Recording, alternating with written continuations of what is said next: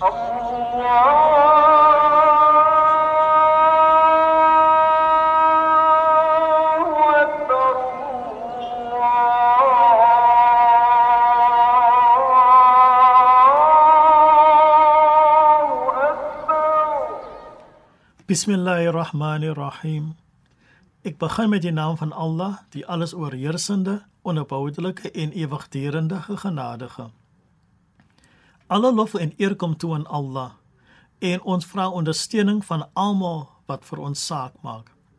Assalamu alaykum wa rahmatullahi wa barakatuh.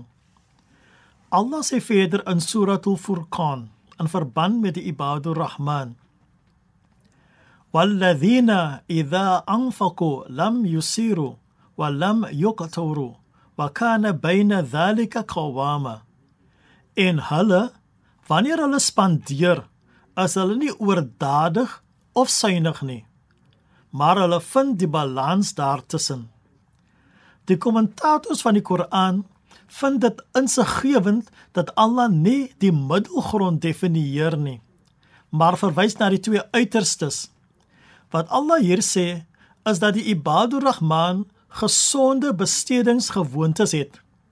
In hierdie geval verwys Allah nie na die zakah of die verpligte spandering van jou rykdom nie. Dit is 'n besteding van jou materiële vermoë op 'n gesonde manier. Allah gebruik die woord hierso qawama, die middeweg tussen die twee uiterstes. Die Nabi, vrede en seëning op hom, het qawaman vergelyk met hikma of wysheid. So die persoon wat gesonde bestedings gewoontes het, is geseën met wysheid. Baie van ons weet hoe om ons geld op 'n halal wyse te verdien. Maar wanneer dit kom by die besteding daarvan, dan val ons gereeld uit die bus. Die wyse waarop 'n persoon sy geld spandeer, is in die meeste gevalle 'n aanduiding van die onderliggende persoonlikheidskenmerke van daardie persoon. Laat ons stil staan by die top 5 gesonde bestedingsgewoontes en verbind dit met 'n element van tazkiya of die suiwering van die self. Eerstens, hulle stel 'n begroting op. Op 'n tazkiya vlak beteken dit om jou nafs of jou laagbegeertes in toom te hou. Tweedens, hulle vermy impulsiewe aankope. Dit lê die klem op sabber of geduld, lankdurigheid en so voort. Haastigheid is van Satan. Derdens, hulle doen navorsing voor hulle koop.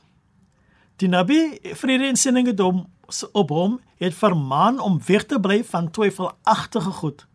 Daar is twee dinge wat 'n persoon se geestelikheid tot nut maak: om jou laagbegeertes te bevredig en om jou in twyfelagtige goed te begewe. Volgende beteken die vermy bestedingsprikkels.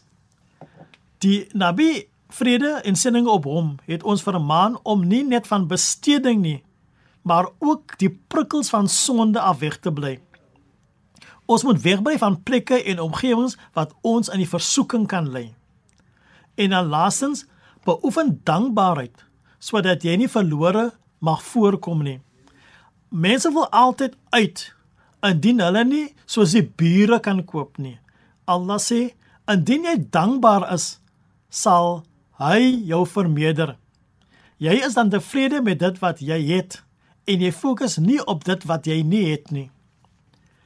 O Allah, leer ons die kuns van goeie besteding en laat dit wyses wees waarop ons ons geestelikheid kan verbeter. Ons vra dit met die openingsverse van Surah Al-Fatiha. Bismillahirrahmanirrahim. Alle lof kom Allah toe, die Heer van die geskaapte orde, die alles oorheersende genadige, die onophoudelike en ewigdurende genadige, meester van die oordeelsdag. U alleen aanbid ons en u alleen smeek ons om hulp. Lei ons op die regte weg, die weg van hulle wie u guns verdien, nie die weg van hulle op wie u toorn neergedaal het of die weg van hulle wat afgedwaal het nie. Walhamdulillahi rabbil alamin. Allah